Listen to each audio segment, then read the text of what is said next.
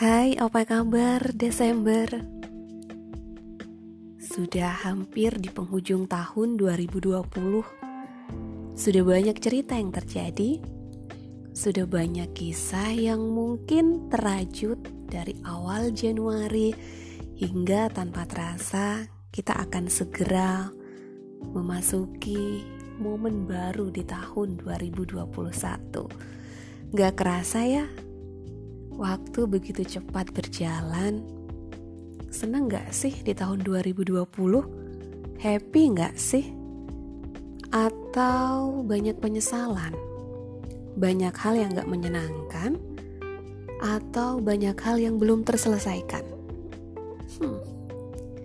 2020 buat saya selalu menjadi hal yang benar-benar penuh kejutan. Ada yang datang, ada yang pergi. Ada yang didapat, ada juga yang hilang.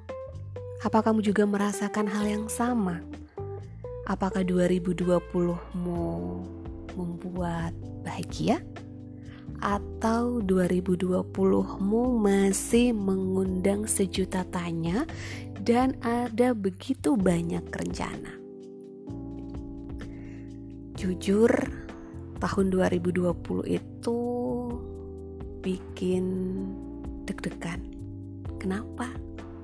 Iya, karena harus mengalami hal-hal yang gak pernah terfikirkan. Lagi-lagi Tuhan banyak memberikan kejutan. Lagi-lagi Tuhan banyak memberikan kesempatan, sekaligus juga menitipkan beberapa kesedihan. Ya, namanya juga hidup, kita nggak seperti di supermarket yang bisa pilih atau di restoran tempat saji yang mana kita bisa bebas memilih mau menu apa, mau suka yang mana. Tapi hidup itu udah ada paketnya, ada senangnya, ada susahnya, ada air mata dan juga ada tertawa. Kita nggak bisa tawar menawar dengan Tuhan. Pengen yang senang aja, Gak mau ada sedih, gak mau ada air mata.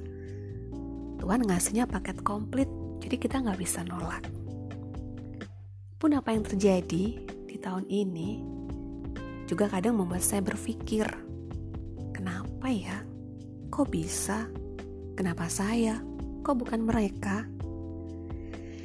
Hmm, ya itulah hidup kita nggak pernah bisa milih tapi perlahan sekalipun mungkin gak menyenangkan lama-lama kita akan mulai bisa mulai menerima mulai nyadar sih bahwa untuk menuju pada fase baru untuk menuju pada level yang baru kita harus melewati berbagai momen yang ya tidak semuanya bisa kita suka. Dan apa saja yang terjadi di tahun 2020 ini dan ada kisah apa saja yang akan kita coba bagi, kita akan coba obrolin. Simak terus dan selalu di sudut waktu.